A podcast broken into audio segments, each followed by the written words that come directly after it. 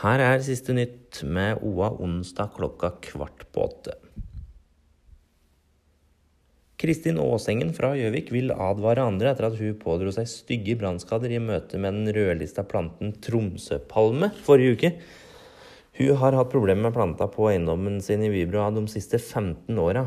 Flere ganger har hun prøvd å fjerne den, men det er en grunn til at planta omtales som en av de mest krevende planteslagene vi har.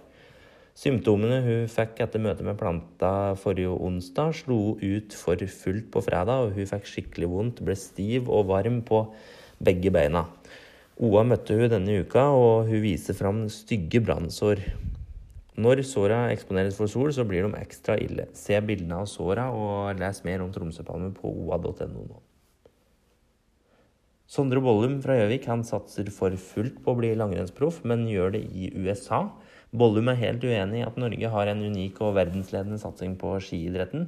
Ingenting i Norge er i nærheten av det apparatet vi har rundt oss i USA, sier han til eh, OA, og legger til at collegeidretten på universitetet har et budsjett på 800 millioner kroner. Bollum forteller videre at uh, han under skolegangen uh, bl.a. kan benytte seg av en heltidsansatt fysioterapeuter, kostholdseksperter og ulike trenere, i tillegg til en egen kokk. Sommeren er nærmest som høytid å regne for de som selger hytter i Vest-Oppland. Både eiendomsmegler 1 og privatmegleren forteller om stor pågang og mange salg så langt i sommer. Valdres er blant et av de heteste områdene for de som kjøper og selger hytter, og akkurat nå ligger 570 fritidsboliger ute for salg i Oppland, hvor 179 av dem er i Valdres.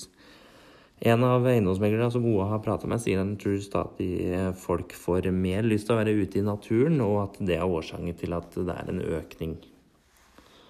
Vi minner om at Norway Cup fortsetter, og OA-TV sender flere kamper direkte fra sluttspillet onsdag og torsdag. Følg med på oa.no for å se om ditt lag sendes.